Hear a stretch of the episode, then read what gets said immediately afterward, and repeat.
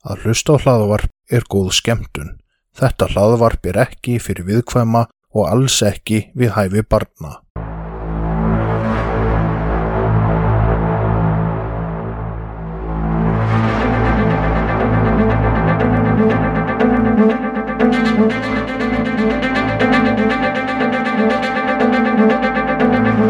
Þetta hlaðvarp er hluti af IK Network. Góða skemmtun. Stúdíu stofa, nú hef sagamála þáttur. Fiskibólur í dós, fiskibólur í dós, fiskbúð hafliða. Erum við komið þanga bara? Góðan daginn hæsa fem og verið velkomin í nýjan þátt af hvað ætli sé að. Við þurfum kannski bara að byrja að tala svona að því að það er svo margir alltaf að hlusta okkur á nóttunni. Við kannski að tala meira svona. Rótt, sofðu rótt, það er komin á nótt. Guð minn góði, please ekki. Ok, Eh, velkomin hæsa fem annars. Herðu, við fengum samt fyrirspurn um daginn og, við, og ég varð við því um að lækka hljóðið í lokin af því að það var að vekja viðkomandi sem Já. var svo gott að sopna yfir okkur. Þannig ég lækkaði hljóðið. Ok, ég er búin að taka eftir því. Mm og, og það hérna þegiður lurkur en, en já, herðu Telma, það er komið af e-verslun spurningunni fyrir þá sem ekki vita þá er e-verslun verslun á Facebook sem er með rafgeima í rafmaks vespur á hagstaðasta verðinu sem býðst í bænum á tilbúði núna á 22.9 er það ekki ennþá með tilbúðið? Mm, jú, farið endilega inn á e-verslun. Herðu, e-verslun spurning dagsins er hvað er uppáhald skyndibitið þín? Þú græst fram með fyrir mér? Ó, Ég var ekki búin. ok. Farið endilega inn á e-verslun á Facebook. Á Facebook, e-verslun spurning dagsins er hvað er uppáhald skyndibitið þín? Upp á allt skyndibiti minn. Já, Ó, guð. Vá, komið þetta ekkert í hug. Davidos og hlemmi bara. vel valið. Já. Ok, herðu, eigum við að vinda okkur þá í eitthvað sakamál. Ég eru ekki mennin ostamorð eða eitthvað svona tuð sem það er að koma fram. Mm, ekkert frá mér séð, sko. Frá mínum bæjadirum er ekki neitt. Og ég var að vona að þú væri með svona geðvikt langt rant reddi þannig ég geti lagt með þess að meðan. Nei, Ok. hérna, já. eigum bara við- að beða fólk um að mæta á kjörstaði og Já, herru, er talaðu drull- aðeins um það. drullu sama, sko, hvar fólk setur exið bara svo framalega sem að mæta á kjörstað og nýti kostningaréttin ef það er orðið nógu gaman til að kjósa. Ég vona að það er að hlusta okkur. Já, þetta er náttúrulega ekki fyrir börn. Mhm. En líka það er náttúrulega ógeðslega sniðugt ef að fólk er óvist hvað ætlar að kjósa að kynna sér bara veist hvað, hvaða flokkur er að fara að gera mest í þeim málefni sem snertir viðkomandi veist, hvað borgar sér fyrir þig hvað samræmist þínum sjónamöðum að kjósa Mm. Mér finnst það geggju pæling Er þú búin að taka þannig kostningaprófið? Nei, Ok, tókstu það? já, Hvað áttu að kjósa? frjálsa líðræðisflokkin. Ó, hvað er það? Herðu, hann er reyndar magnaður. Ok Það er bara, að hérna, Það er ekki sama sós, nei, sósveista nei, nei, nei, flokkurinn já, já, já. Ok, Svo kom fólk, fólk, flokku fólksins nummer tvö. En var það ekki bara eitthvað að þú mertir við, mér finnst það ósangjart að börn svelta á Íslandi svo fólk fyrir ekki bara að skatta eða eitthvað svona. Nei, nei, Það var að fara alla þessa flokka. en er náttúrulega töðaði yfir skatta dæmi. Ok, en herðu, Það er hérna, sem sagt hátíkju skatti. hátekjuskatti. Ok, er ég búin að töða nóg? Getur þú þá byrjað? Nei, hvað töður um hátekjuskatt? Að það þarf að hafa hátíkju skatt Já, mér finnst alltaf lægi, ef sem að, að nýtist þá til þeirra sem að minna mega sín. mér finnst alltaf öryrkjar. ef að ég þérna geða þetta mikið og finnst mér alveg ég geti gefið aðeins meira til samfélagsins, skilur. Mm, er, en ok. Ma, maður hefði haldið það bara út af því að þú ættir actually sko þetta er náttúrulega tv- tveg þóttu eigi meira byningum akkur áttu það þú láta meira frá þér en að samanskapið þú og nú fyrir þig og þína af hverju ættir ekki að vilja kannski hjálpa ykkur en sem að minna mega sín ef þú átt það mikið að þú getur týnt einhverjum miljónum eða miljörðum á, á Panam og glimt þeim, þá held ég að þú getur alveg borgað aðeins meira skatta. já og áttu geða mikið pening út af einhverjum auðlendum sem að eru fríar sko. Já, herðu, ok.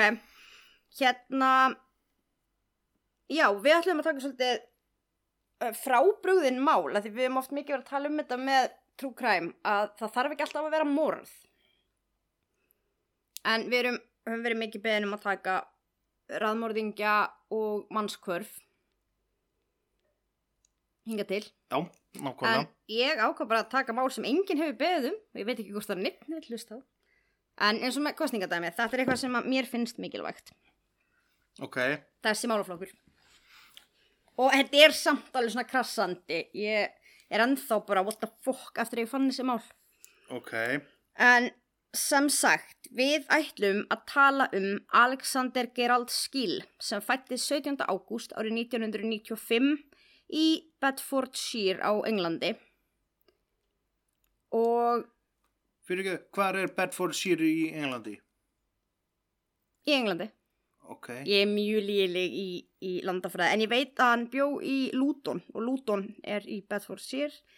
Viltu kanna landafræðina eitthvað betur á bakvið það? nei, bara að spyrja hvað þetta hefði cirka verið sko. Já, um, Það maður Ég- veit að oft svona í bandarísku málum, maður veit svona cirka hvar í landinu það er sko, já. eftir fylgjum en ég var bara svona forvittnast hvar á Englandi þetta ég, var. ég hef samt í álfurinni ferðast um mest allt England Mm.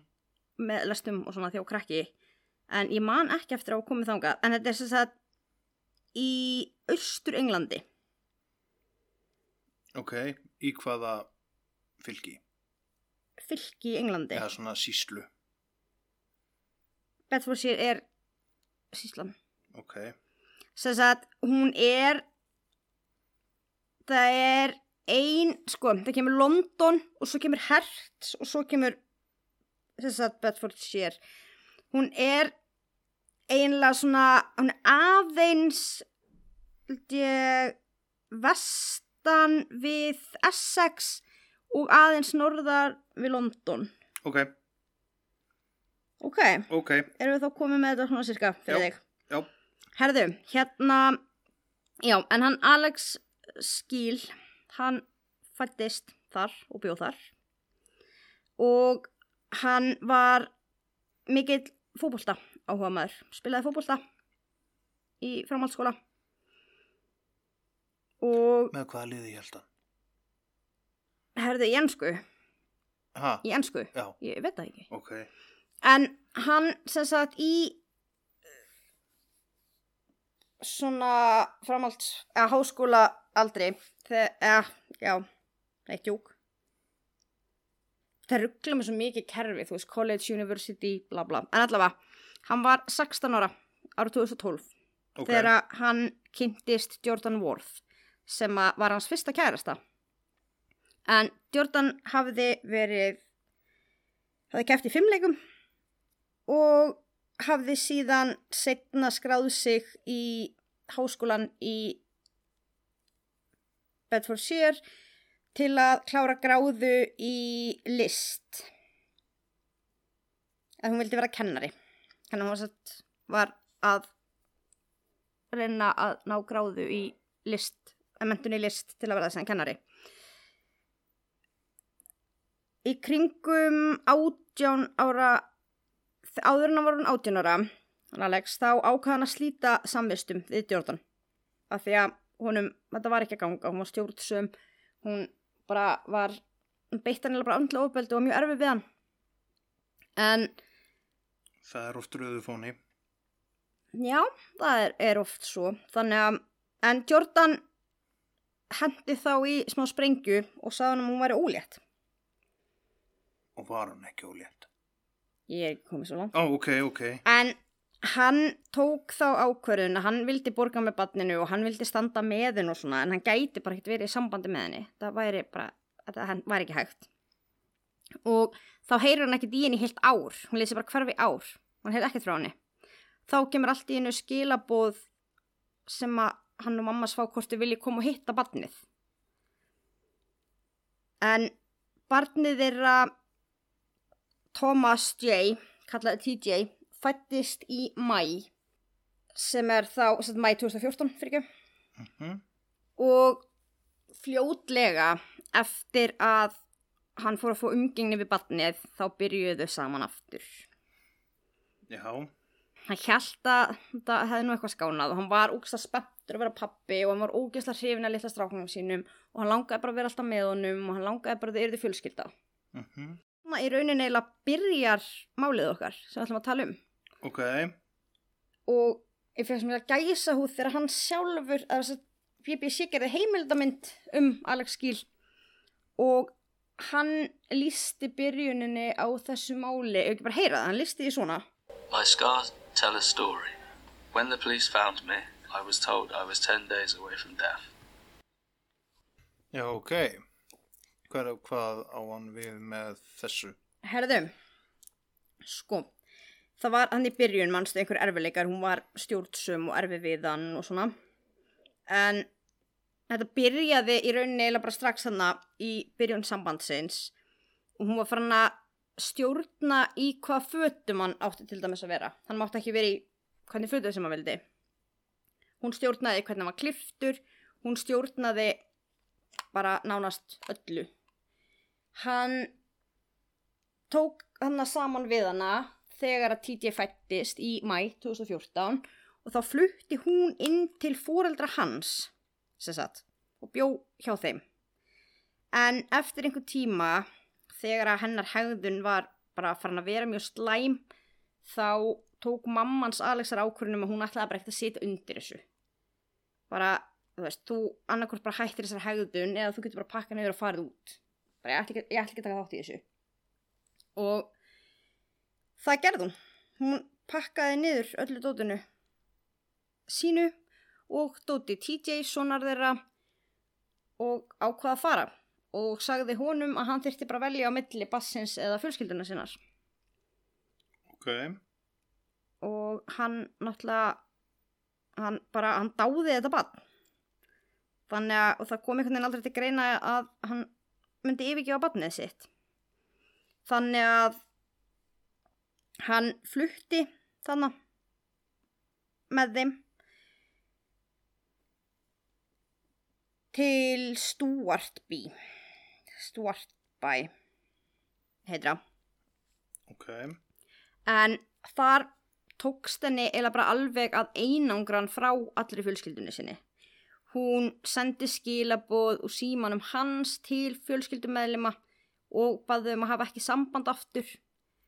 Hún braut síman hans og reyta að fá nýjan þannig að hann var verið með nýtt númer sem engi vissi. Hún lokaði svona samfélagsmiðlareikningum eins og Facebook og setti upp aðra á hans nafni sem hún stjórnaði. Já, og hún meiri segja hendi eða gaf Playstation 12 þeirra af því að hann gætt haft samskipti við fólk sem hún þætti gegnum leiki þar. Ok, þannig að hún náði sko einangran bara algjörlega en samt til að byrja með þá bjúkuðu meiri segja inn á sko mömmu hennar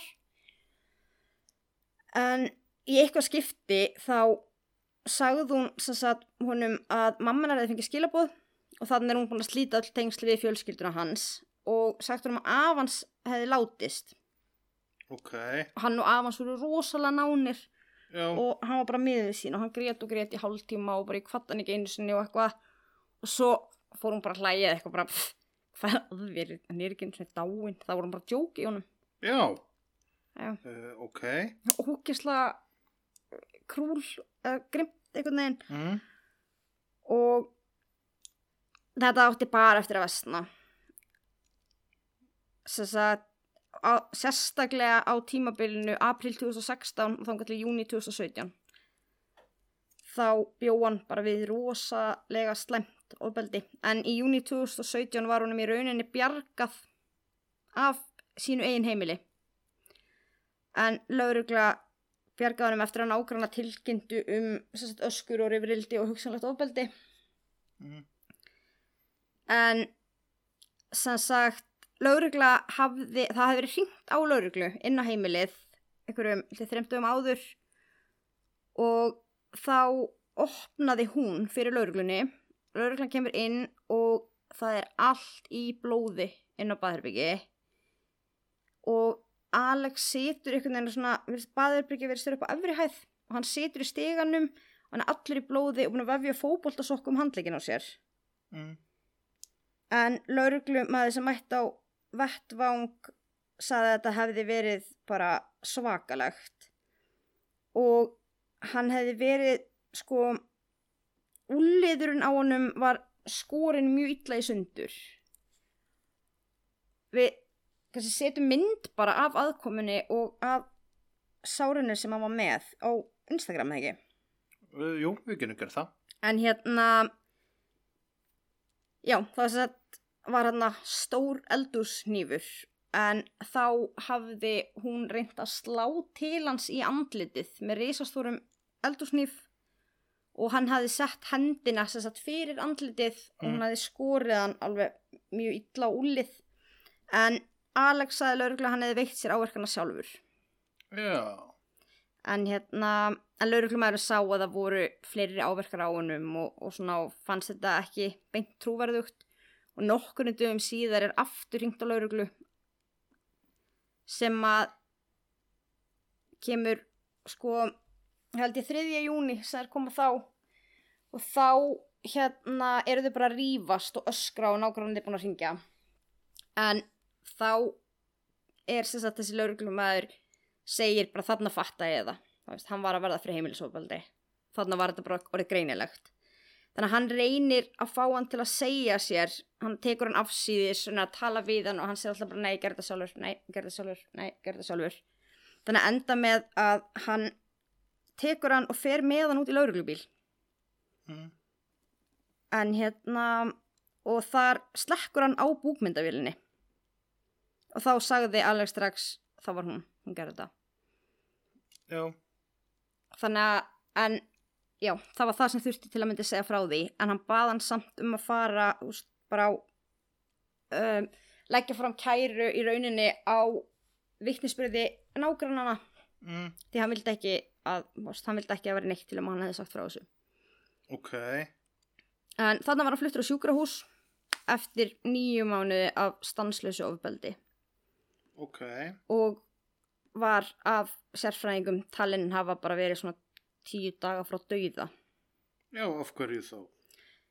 hann hafði bara verið beittur svo hrigalega ofbeldi. Hann hafði verið stungin marg oft. Hann var sveltur, hann var brendur, hann var rosalega hóraður og rosalega slæma hilsu. Hann var með sagt, ómeðhundluð bruna og stungusár sem voru sýkingar í og þjáðist af hydrocephalus sem er í rauninni hafa með vökva í heilanum eftir höfuðhögg. Já, ok. Mhm. En hún hafði sko, eins og hann sagði sjálfur, sko, hann, þetta byrjaði, hún lamdan oft með einhvers konar flösku. Ég veit ekki alveg hvort það var plastflaska með vatni eða glærflaska, ég veit ekki hvað var og hann náði einhvern veginn að losa sig við hana og þá barð hún hann bara með öllu tildæku. Hún barð hann reglulega með hamri, bæði höfuði, sköplungana, bara allstaðar. Ok. Um, hún landa með öllu sem hún gætt fundið, bara hvort það var bútur að við eða bara hvað það var, hann var látið að sofa gólfinu, hún sofa með batni upp í rúmi, hann fekk ekki að borða, hún var búin að taka á henni veski hans, þannig að hann gæti ekki farið á spítalinn, gæti ekki fyrir apotek, ekki neitt. Já. Og í eitthvað skipti var þetta alveg þannig að hann vaknaði við hún var að hella sjóðandi heitu vatni yfir baki á honum. Nei. og hann fekk ógeðslega alvarlega brunáverka og hún neitaði honum um að fara náttúrulega til læknis og leta hann ljúa að fjölskyldunni sinni að sturtan hefði bilað og hann hefði fengið heitt vatn á sig. Og hann var að lýsa því þú veist, þau eru þar úti að lappa og hann er bara náttúrulega með brunasáru og hann sagði bólurinn í því og það var bara eins og að veri verið að þetta var bara, já, ég man ekki nákvæmlega hvað hvernig hann orðaði þetta, þetta var ógeðslegt og hann náði að samfara um að kaupa eitthvað krem fyrir sig þar Já, já, já. en þú veist já, hann var bara orðin hann var nær döða en lífi af heimilisofbeldi Ok. já, mjög, mjög slemt ástand og ég var um að horfa á heimildamindina og, Og- viðtöl við hann Og þetta, þetta er karlmaðurinn sem er þólandin já, og kærastan sem er gerandin. já, Ok. Það er nefnilega það sem að mér fannst svo áhugavert okkur mér langaði líka svo að tala um þetta af því að þetta er náttúrulega svakalegt mál og það er rosalega lítið talað um kallmenn sem verður fyrir heimilisofbildi Mm. en sem sagt í apríl 2018 var Jordan Worth fyrsta konan í Bretlandi til að vera dæmd fyrir sem sagt svona controlling or coercive behavior þetta er sem sagt svona kúun og, og svona stjórnun Ok, og hún fekk sjö ára fangelsistóm ok. En Alex hefur sem sagt mikið verið að koma fram og tala um ofbeldi sem hann varð fyrir af því að hann er að reyna að hvetja aðra menn til að tjá sig um heimilisofbeldi. Og sko samkvamt rannsóknum þá er talað um að 30% kvenna, 5 miljónir kvenna hafa vorið fyrir heimilisofbeldi Mm. og 16% kalla og það er alveg 2,5 miljónir kalla sem upplifa heimilisofbeldi á æfinni Já, í einhverju formi ok. Þannig ég held að sé alveg alveg að því náttúrulega ofbeldi er ekki alltaf bara líkamlegt. Það getur verið andlegt, fjárhagslegt kynferðislegt. Þannig að marga tegundra heimilisofbeldi. Já, og það er ekki eins og alltaf heimilisofbeldi það gerist ekki alltaf enna heimili þetta er oft líka bara það hefur verið kallað núna þessu réttasálfræðinni og svona þá er þetta mikið talað um ofbeldi nánum samböndum af því að það lýsir kannski betur. Já, þetta er ekkert eins og alltaf maki þetta getur verið fóreldri, sískinni hver sem er. Já, en já, hann sem sagt bjó við þetta og í viðtölum var hann spurður okkur fórst ekki bara? Og eins og hann sagði svo vel, hann sagði þú getur ekki útskýrta fyrir þú ert hana þú, þú, þú, getur ekki útskýrta já, og hann sagði sjálfur, þú veist, þegar lögreglan var að spurja hann, hann sagði þetta var akkurat tíma til að segja eitthvað. Ég bara, ég gerði það ekki ég veit ekki af hverju. Mm. og líka ástæðan fyrir hann var náttúrulega lengur af því að hann var alltaf að býða þetta lagaðist þau eignuðist annað bann á þessu tímabili og hann hugsaði það, ok, nú, nú lagast þetta öruglega það lagaðist í þrjáta ok, hann. en hann líka vildi ekki fara því að hann var svo hrættur um að þá fær hún með að börni já, og hann sagðist ég get ekki hugsað mér að hann skilja barnið eftir í þessu nei, nákvæmlega. en í dag Eða flýja og taka það með sér. Já, en hann náttúrulega, hún var með vaski hans, hann mátti ekki vinna, heldur, af því hún veit alltaf að vita hvað hann var. Hann var að fara með henni í skólan. Af því hún var að vita hvað hann var öllum stundum. Mm. Þú veist, hann, hún var búin að kotta sambandi þessu alla í kringum hann. Hann var ekki með neður peninga. Þú veist, hann hafði líklega ekkert til að fara og hún er alltaf búin að brjóta hann svo mikið niður andlega og hún var rosalega klár og gekk rosalega vilja í námi og taldi honum alltaf trúum að hann væri rosalega vittlis og heimskur og alls konar. Og hún hefur líklega verið búin að tella hann líka trúum að hann fengi aldrei börnin ef hann færi. Já, en húnum var bjargað þarna og í dag býr hann með börnunum sínum. Ok. og hérna hún er alltaf bara í fangelsi. Mm. og hann er bara að reyna já, fræða heiminn um það að kallmenn eru líka þólendur heimilisofildis Þetta er samt líka dálítið gaman út af því að sko öll dæmi sem maður heyrir um, um bara erfiðleikana fyrir þólendur að fara úr svona samböndum. Já, en samt bara einhvern veginn sko lögreglumadurinn bara líka það að fatta einhvern veginn að slökva á bodykaminu já, hvort að það myndi hjálp honum við að opna sig. Já. Ef hann bara svona bara það eitt að bara svona ok, ég ætla að prófa þetta og Mhm. gá bara, það er bara rugglega þá eitthvað, þetta er bara við tveir hérna segðu mig bara núna, skilur þetta er ekki til á Mhm. filmu eða neitt bara hvað gerðist bara, er þetta vittlýsa í mér eða Já, og klárlega, þú veist, þau klárlega alveg bara hárrétt viðbröð hjá lauruglunni út af því að, eins og lækna sagði, hann var, sko líka minn var bara að byrja að slökka á sér, hann var með fullt af síktum sárum, hann var illa vannærður, hann var nokkra daga frá því að deyja ef hann hefði ekki komist undir læknasendur. mm. Þannig að, en í millitíðinni, hann var fluttu nokkrum dögum áður á sjúkrahús. Ok, af lauruglu, þannig að þegar hún risti hendina á hann misundur og þar virðast samt engin læknir að neitt hafa gert neitt. Svo bara það kalla aftur og hann alltaf sagði ekki neitt.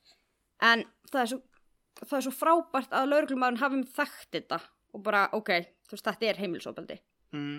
og já, ég ætla já. bara, veist, reyna að gera eitthvað hérna þannig að, mér, já, mér fannst það frábært af því að hann hefði jafnvel annars bara dáið. Já, já, nei, bara vissulega gott að það upprætist og fattist og það allt. Mm -hmm. En og bara líka náttúrulega jú, hjá honum náttúrulega hugur ekki að segja frá og annað. Já, rosalegt hefur ekki að segja frá af því að náttúrulega sérstaklega af því að hún náttúrulega börnin á heimilinu Mm. og hann hefur treyst lauruglumanninum en kannski á það líka tröstið lauruglumann slökti á myndavillinni til að tala við hann og það hefur kannski líka aukið svona trösti bara ok, hann vill hjálpa mér. Þú veist, hann, hann er til í að ég held, ég held að lauruglumann megi bara ekki slökka á þessu myndavillum sko. Ég, allavega ég, er það ekki þannig? Verða, eða, þeir verða að hafa hann á til að verja sig gegn einhverjum ásökunum eða eitthvað svo að þeir geti syngt bara hvernig hlutin fóru fram. Já, og líka bara upp á að hafa, held ég, bara sannanni Já, bara, þetta er bara vinnuregla, sko. Já, en þarna treystir hann samt Alex Nó til að hann slekkur á myndavillinni sem að er hans vörn Já, já, nákvæmlega. og þú veist, ég er búin að slökka ég veist, ok, þetta er svona, já, ég er búin að taka all, veist, allar varnir sem ég hef niður og það er kannski líka hjálpa honum að tala og treyst honum Mm, til að segja honum frá En líka, sko, öruglega út af því að, en af hverju út af því að, náttúrulega, erfitt, sko, maður hefur alltaf heyrt dæmi um, skulir að það er sér nú erfitt að konur tali um heimilisofbeldi sem að þær verða fyrir. mm -hmm. En af hverju, að öll umræð og öll dæmi virðist alltaf eins og sé miklu erfiðara fyrir karlmennina heldur en konurinn að segja að þeir séu fyrir heimilisofbeldi. Já, það verðist vera En- mjög erfitt og það er alveg líka samfélagi bara, varst að láta konulega með þig koma hún, eitthvað svona ég held að fólk ótti svoleiðis viðbrögð en vandamálið, það snýst ekki um styrk eða stærð og það er líka rosalega erfitt út af því að ímynda er ef ég myndi bara ráðast á þig, þú ert miklu stærri og sterkar en ég Mm. ef að þú slarð frá þér þá myndir þú líklega að valda mér alveg sjáanlegum áverkum og þá get ég náttúrulega spilað og sagt nei, já, þú veist, hann var að lemja mig Mm. og mögulega er þið mér trúað, ég veit það ekki en síðan er þetta líka, þú veist það er ekkert allir sem hafa í sér að, að beita aðra manneski líka ofbeldi þó það sé sjálfsvörð Nei, nákvæmlega. og, og þá ertu, og þá snýst það ekki um styrk eða stærð, þá snýst þetta um að þú ert beittur ofbeldi að því þú hefur ekki að því við erum með svona bremsu alveg sama hvað við verðum reið og mann er langar bara, ó, ég geti þú slamið eitthvað, maður gerir það ekki að því að maður stoppar það og þessi bremsa er á flestum og hún getur alveg náð fram yfir aðstæður þar sem þú þyrftir að verja sjálfa þig Já. En ég meina líka örglega bara ef við notum þetta sem dæmi náttúrulega vera að ráðast á hann og eitthvað, bara kannski er hann líka ef að börnin eru sofandi eða eitthvað bara upp á að vekja þau ekki eða eitthvað með að fara í einhvern fæt líka sko, Ma, Mhm. ég, maður veit það ekki, nú er maður náttúrulega Nei. bara að fylla upp í og hann er náttúrulega orðin alvarlega vannarður, hann er með síkinga ég meina hann er bara við dauðan styr á þessum tímapunkti þú veist, Já, það er ekkit, það, hann kemur ekkit við miklum vörnum hann en hérna, já, hann er búin að sofa á gólfinu í áttu mánuði líka. Mm, ég ég bara, ég get ekki ímyndað með hvernig mannum hefur liðið, þetta er hræðilegt. Og það er líka, sko, konur sem að hafa allavega þau mál sem hafa komið upp ég held að sé mikið tekið frá Breitlandi það var sérst í í bókum ég að lesa frá Breitlandi það, það er rosalega algeng það er nota vopn, það er nota hnífa og barefli og áhöld og það, það eru rosalega þær konur sem að já, mál sem hafa komið upp þá hafa konur verið rosalega grimmar og einmitt alltaf þetta, hún sagði sko stakk, hún stakk mig ekki beint og hún skar mig ekki beint, hún landi mig með hníf Þú veist, hún riðist bara á hann og bara landi hann og landi með hnífnum já. Já, bara svona blaði niður, þannig, Já. já, já. þannig að hann var allur út í opnum sárum Mm. Já, þannig að hann er í raun og verið ekki að stinga hann sko með oddin í holdið, Nei, heldur lemja hann með þannig að blaðið er að lemjast í, uh ok, ok, þetta er, já þetta er, þetta er skelluvilegt mál. En mm. ég er nefnilega fann fleiri svona mál. En eh, sko, hafa rannsóknir mm. eitthvað sín af hverju þetta byrjar? Er þetta bara, skilur eitthvað sem er ekkert hægt að vita í raun og veru af hverju? af eða? hverju fólk beitir ofbeldi Já, af hverju byrjar fólk að beita maka sinn ofbeldi? ég held að fari bara eftir tilfellum ég meina stundum getur þú kannski bara verið með einstakling sem að hefur ekki stjórn á einn reyði og stundum ertu með bara sambönd líka það sem er bara oft er kannski drikja, neysla bara mikið annað í gangi um, ég veit ekki hvað fær einstakling eins og þetta þú veist, þetta er bara hún er greinilega bara eitthvað rúslega lasin og viðþist ekki geta haft neina samúð með honum eða neitt og það er bara eitthvað nefn frá byrjun. En oft er þetta ég veit sko það hefur verið úrræði til dæmis á Íslandi fyrir fólk sem beitir heimilisofbeldi fyrir gerendur. Af því að til að veita þeim hjálp til að hætta og það hefur held ég snúist einhvern hluti til um reyðistjórnun Ok, en ég náttúrulega ég komst í rauninni ekkert yfir eitthvað mikil gögn um hana. Ég veit ekki, við getum kannski gert svona follow-up þátt og fyllt í eftir sko. Já, En hérna já. Hvað, hvað allir sé að þarna? Mm.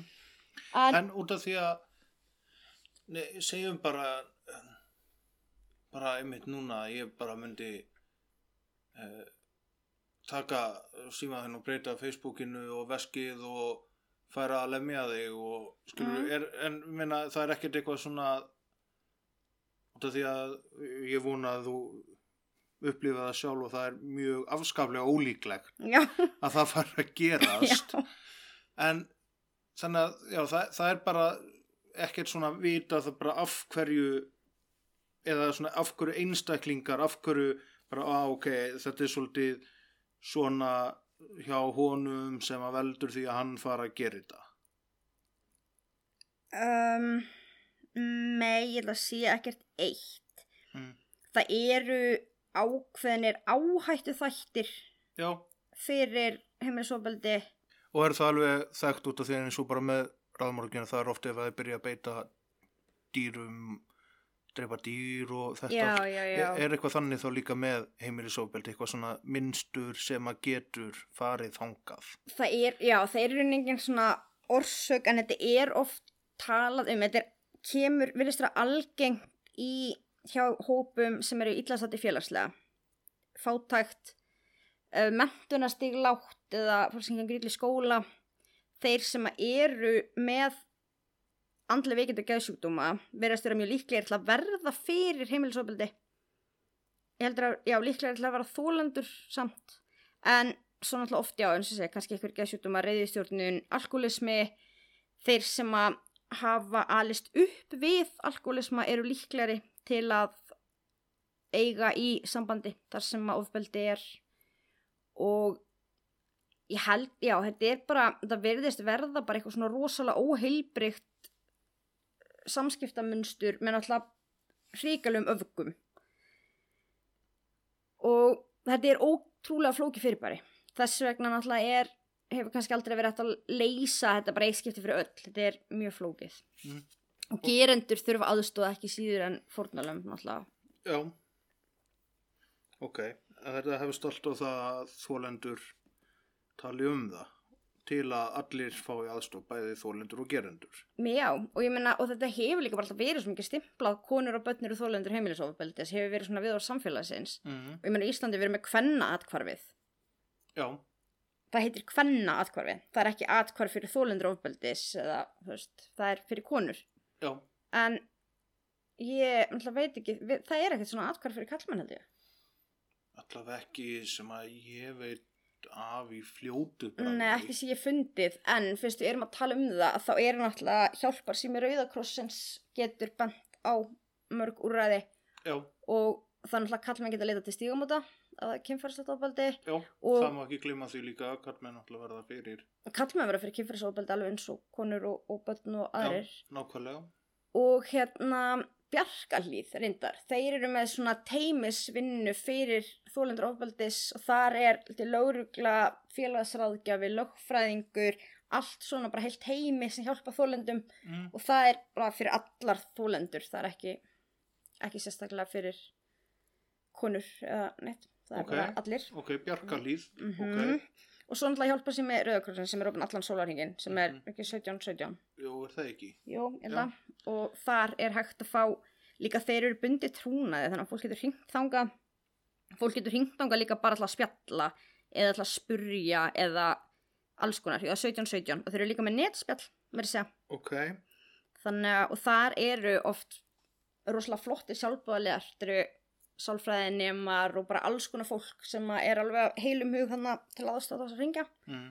En- og, og eru bara þarna til aðstofa fólk. Eh, þetta er ekki já, það- það er sem er eitthvað- tilneittur til að sita við síman og svara. Nei, nei, nei, þetta er fólk bara Mm. sem gerir þetta af áhuga og, og langar til að ná til þeirra sér hringja og virkilega aðstöða þá. Nákvæmlega, og sama hvort að aðstöðin er kannski líka bara stundum að veist, ef að fólk er einmanna eða eitthvað að bara fá smá spjall eða það getur verið hvað sem er benda fólki á önnur úrræði þá þarf ekki að hringja bara þetta heimilisofbeldi ég heldur, þetta heitir bara hjálpa sími þú veist, þeir, þeir takast held ég á við bara ótrúlega margþætt mál og, og hluti og símaverinu. Já, hjá rauðgrossinum en við ætlum líka að tala um annað mál nefnilega. Ok. Það er annað mál frá líka Bedfordshire. Sama stað, já, í Breitlandi ok. Og þetta mál komst aldrei í neina umfjöllun. Ástæðan fyrir að Alex Steele skílmálið komst í svona mikla umfjöllun var náttúrulega hann hefur mætti viðtöl, BBC gerði heimildamyndum hann sem má sjá YouTube og hann gerði allt til að svona að því hann vill hjálpa þeim sem er í sömu stuðu hann var. Ok, en í máli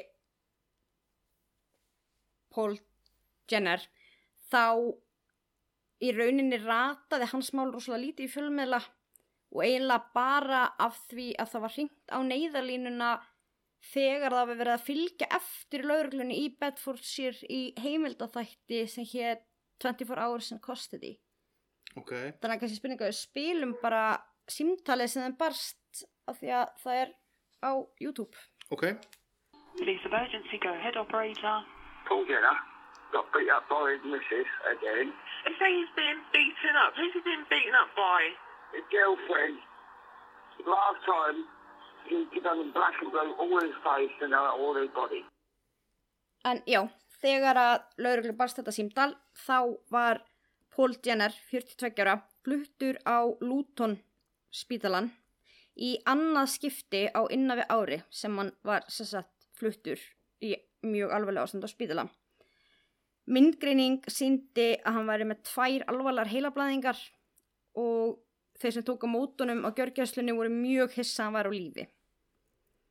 En það gekk, já, það gekk sér illa hjá lauruglan að tala við hann. Það var eiginlega ekkert að ná sambandi við hann af því að hann meðvitund hann var svona rænulegs mest megnis, hann svona kom aðeins ranka aðeins við sér og datt út aftur út af höfðáverkunum en já, það var sett saga um endurteknar árásir sem hefðu lent á borðinu í lauruglu en Pól sagði aldrei hvað hefði gerst. Hann saðist ofta að var dottið og alls konar, hann glýmdi við sagt, alkoholisma og saðist yfirleitt bara að vera fullur og dottið og eitthvað svona. En hann alltaf það var orðið mjög auglust hjá lauruglunni að þetta var ekki ykkur svona óheppileslís sem hann var sjálfur að lenda í ok. Og í sem sagt þegar þetta mál kemur upp það var í rauninni bara ykkur blaðagrein skrifið um þetta og þetta hafði komið fram í þessum þætti en þetta hefur alltaf ekkert fengið neina umfjöldunda mál sem er mjög undanlegt en sem sagt lauruglan er að reyna náttúrulega hjálp honum en hann vill ekki segja frá. Og eftir hann er fluttur á spítalan í þetta skipti þá hafa hann hringt sjálfur í laurugluna eða hringt í 999 sem er satt neðaljónin í Breitlandi mhm, og lauruglan náði að finna upptöku af símtalinu Já. ef að spila símtalið þessi bara já, já, You've been in By my partner, and by my partner. Are you safe at the moment? And I'm in intensive care. They just come out of six months and been after doing the same thing. Okay. What's her full name? Sherry, Pauline, Navy. Sherry. Yeah, as in a drink. hann er reyndar með svo þykkan breskan hreim það er kannski svolítið, ég veit ekki hvernig þetta á eftir að koma út í þættinum ok en þá var hann að segja þarna já, hann sem sagt hringdi í neðlinna og hann var að tilkynna hann hefði orðið fyrir árás af sambíliskonu sinni og hann spurður hvort hann sé örugur úst, í augnablikinu og þá sér hann já, ég er á gjörgjæslu og segir að sagt, hún sé nýkomin í fangelsi fyrir að gera nákvæmlega sama og henni spurður um nafn þá segir hann fullt nafn á henni hún, heit, hún heitir Sherry Neidú sambíliskonunars Ok. en af því að náttúrulega laurugla finnur þessa upptöku Mm. að þá er náttúrulega hægt að fara af stað í að ákjæra hana Já. Og það fyrir ferli en eftir að hann hefur hringt eftir símtal þá er hann greinilega svona svolítið komin til meðvitundar. Þannig að þeir laurugla er samt á spítalan þess að þeir senda lauruglumenn ég enginn skjóta lauruglumenn á spítalan til að ræða við hann. Og þá segir hann bara já nei nei nei það er ekki rétt ég datt bara. Já, ok. og þverr fyrir að hún hafi gert nokkuð. En í millitíðinni þá hafði sér í hringt í hann. Hún var ennþá í varðhaldi og hafði hringt í hann. Já. þannig að en lauruglan náttúrulega var að reyna að ná að ákjæra hana fyrir tilhörn til mandráps þannig að hún fer þarna kona frá rannsóknarlauruglunni og sem að hafði þekkt málið hans það sést ef maður horfir á þáttin hún er, hún er rosalega svona miður sín og hún, svo, hún sagði þættin ég sagði það, ég sagði það síðast hún á eftir að drepa hann og greinilega greinilega henni svona henni þótti mjög mikilvægt að vinna starfið sitt og hjálpunum og var að reyna að gera alltaf hjálpunum þannig að hún fer aftur og tala við hann og reynir að fá hann til að segja frá og hann segir að þau vilja ákjæra hana fyrir tilhjóndi mandráps og hún getur fengið alltaf lífstíðarfangelsi en hann verði að segja frá.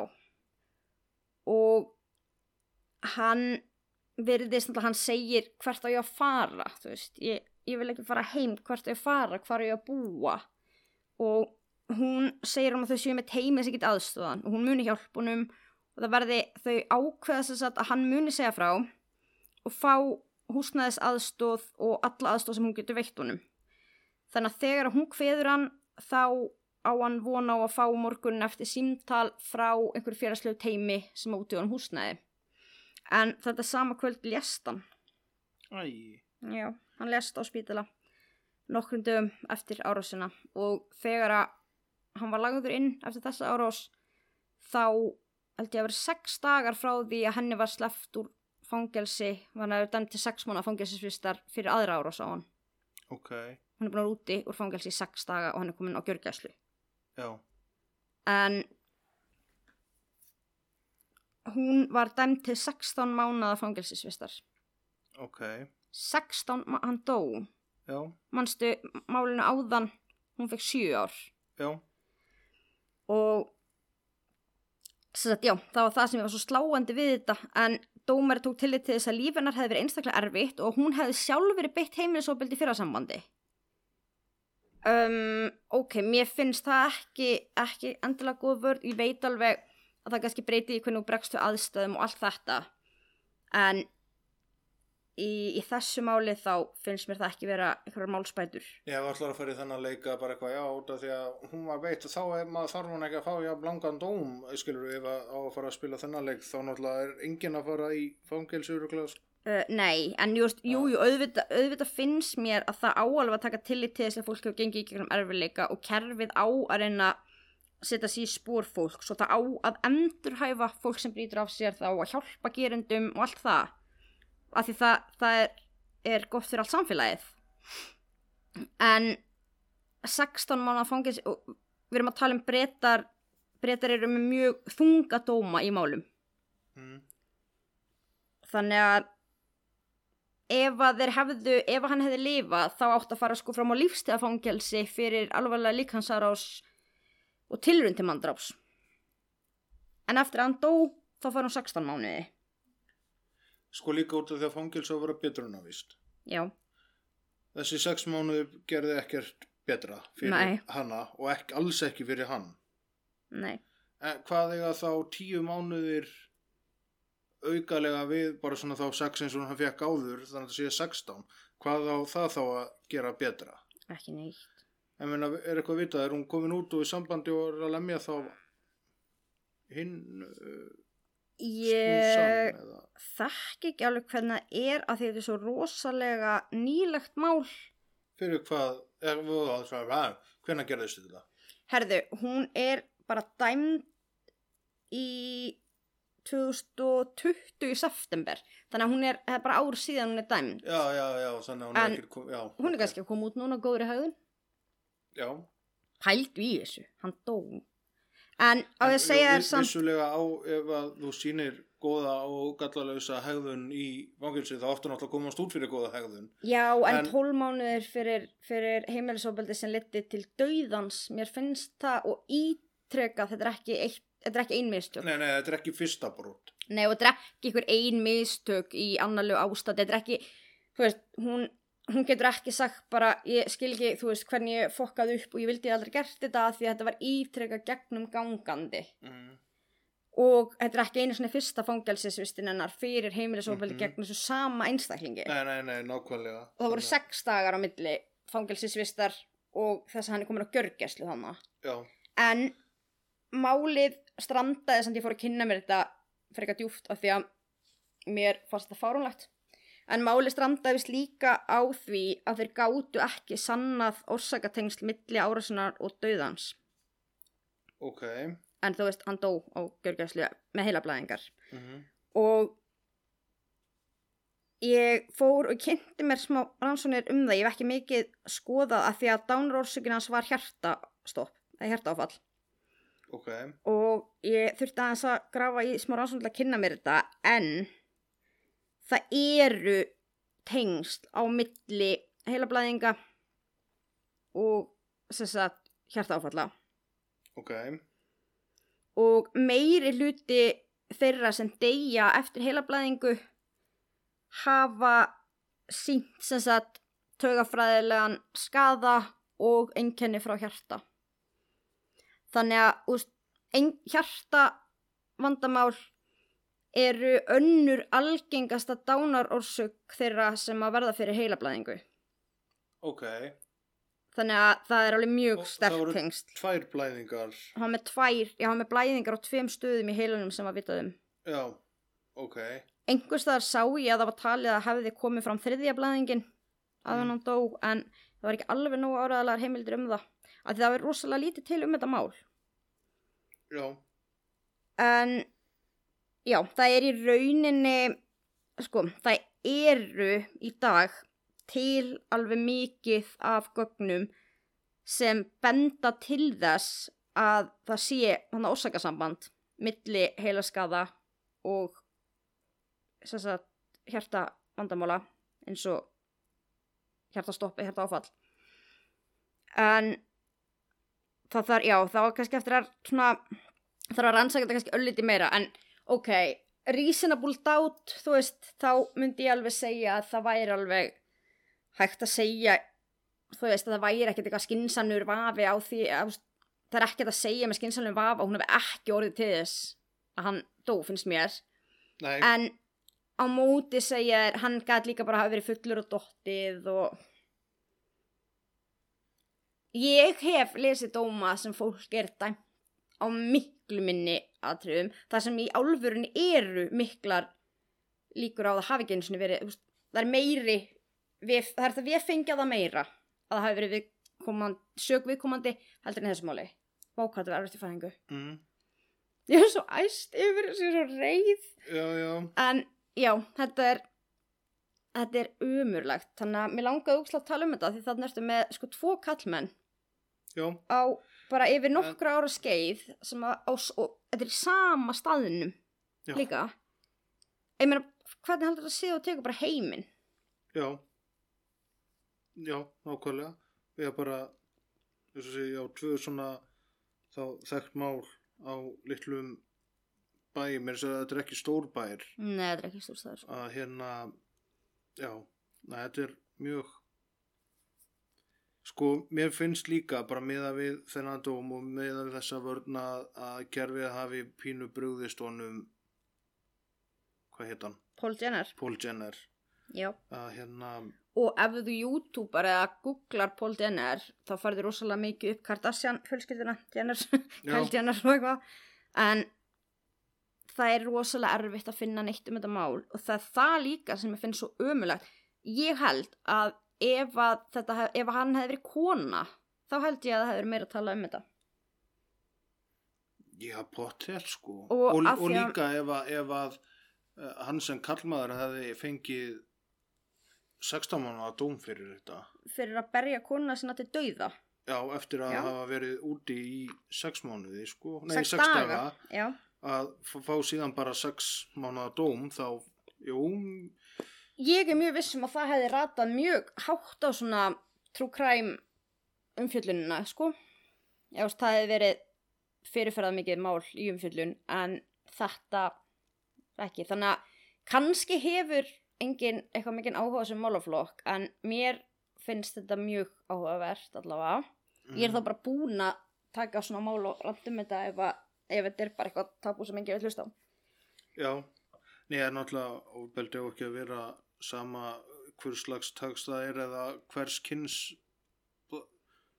það er skilur, Nei, bara, Nei, mér finnst það ekki, sko. að, en... hérna, fólk á bara að elska og virða hvert annað sko. ég held að kallmenn sé líka bara núna orðið miklu dugleri að koma fram og segja frá af því að fór, sko ofbeldi er aldrei þeim að kenna sem lendir í því Nei en þetta samt minni mig bara vaði úr einu í annað. Þetta er samt að bara sama eins og þegar við vorum að tala við bygga mm skilur við, eins og bara með kallmenn og, og sjálfsvík þetta er einhvern veginn svona miklu meira tabu að tala um hluti sem er að gerast innan í þeim og, og eins og þannig að þú ert að verða fyrir þessu og tala um hluti og opna sig um erfileika skilur mitt, örgla meira tabu skilur af hverju getur ekki varið fyrir píslinu hérna og eitthvað þannig Já, það er þessi svona samfélagslega einhver hugmynd sem er heldur bara svolítið stimpluð inn í kallmenn, bara ekki vera að væla, harka af þér og þú veist, kallmenn eru svo sterkir og, stórir og geta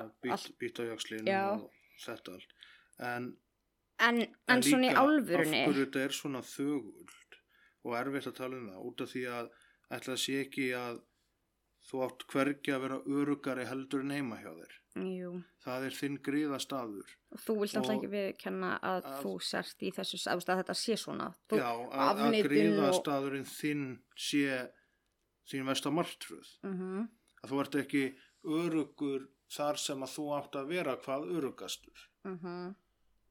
En það er náttúrulega sama eins og segi með konur sem að verða og börn og allt. já, já, ég var að tala um já. bæði, bara almennt og allt saman En ég sko, held að þegar þetta svona- blanda saman eins og þegar kallmenn verða fyrir ofbeldi. Mm, og svo náttúrulega líka heimilisofbeldi er ekki bara bundi við gagginni sambönd og það er ekki bundi við einhverjni sambönd og þú veist fattar mm, þú, þú getur fundið bara alls konar samböndum náttúrulega, Mhm. getur fundið heimilisofbeldi. En ég held að þetta sé rosalega svona búið mikil áskorun fyrir kallmenn já. Að koma fram og deila og kannski kannski er það vissu leiti auðveldra að segja frá eins og hjá Alex Gill sem verður náttúrulega fyrir svona svaðalega slæmu ofbeldi.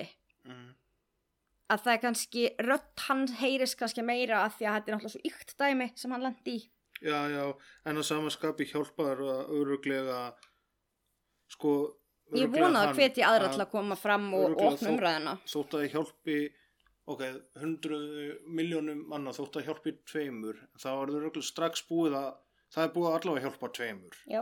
já, klárlega að þannig að að hérna þannig eins og segi, þannig að það er flott hjá honum að vera að tala um það og opna þess umræð út af það eins og segi bara ef að þú nærð allavega að hjálpa einum tveimur úr þessu þá Mhm. ertu strax farin að gera gagn. Já, mér, já, mér finnst það ógeðslega flottur af því að það er ekkit auðvelt fyrir hann að tala um þetta allt og segja frá þessu og svara endalust spurningunni en af hverju fóst ekki bara? Og Mhm. að því eins og sagði, það er þú getur ekki svarað þessu spurningu þú getur ekki sett í spórin fyrir þú ert þarna það er ekki hægt að útskýra það.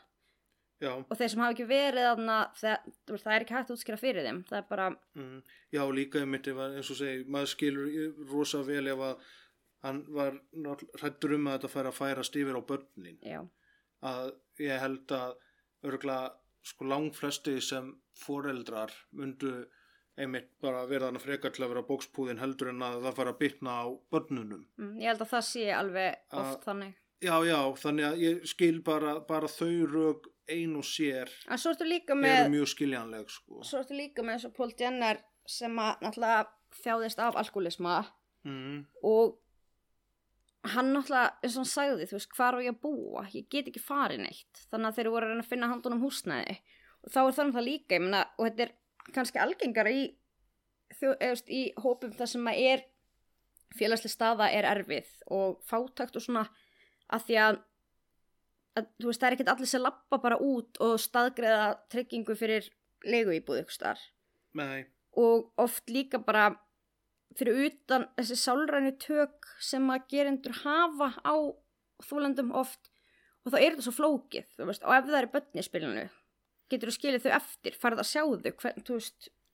Já en líka náttúrulega talandi ef að kannski það er eitthvað vafasamt í fortíð viðkomandi líka. Já, sem er að það nota gegn þeim. já, upp á umgengnisrétt og annað. Mhm.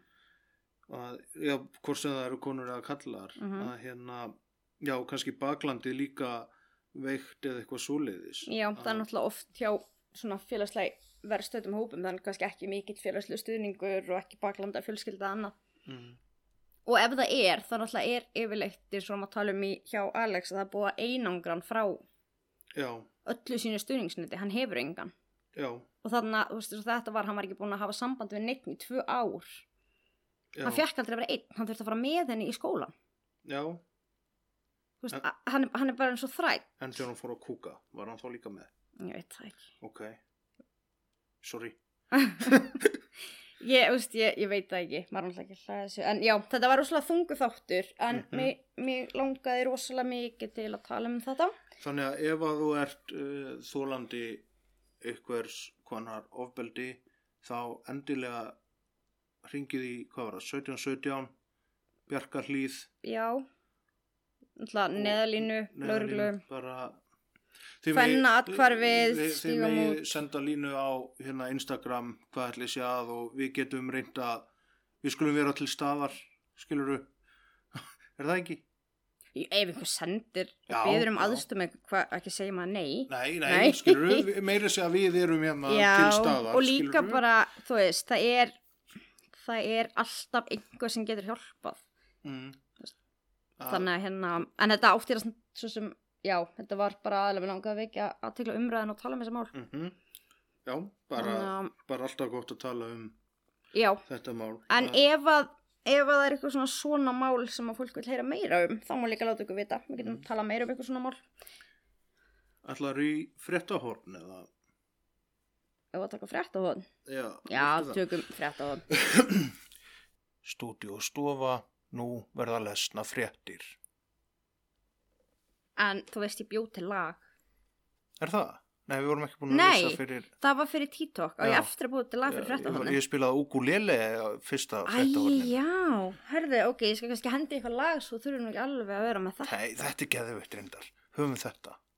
Stúdíu stofa. Hafði Instagram kostningu að því ég vil ekki gera neinum að þurfa að hlusta á þetta. Ok, viljið þið eh, fyrir fréttahorn heyra stúdíu og stofa, nú verða lesna fréttir. Eða ekkert, eða lag. Já, ok, höfum það. Herðu, allavega, þá er hérna viðbjóðslegt mál frá náttúrulega auðvitað Los Angeles. Já, Við erum að tala um það náttúrulega oft. Það var maður handekinn í Los Angeles fyrir að kveikja í fjölskylduhundinum.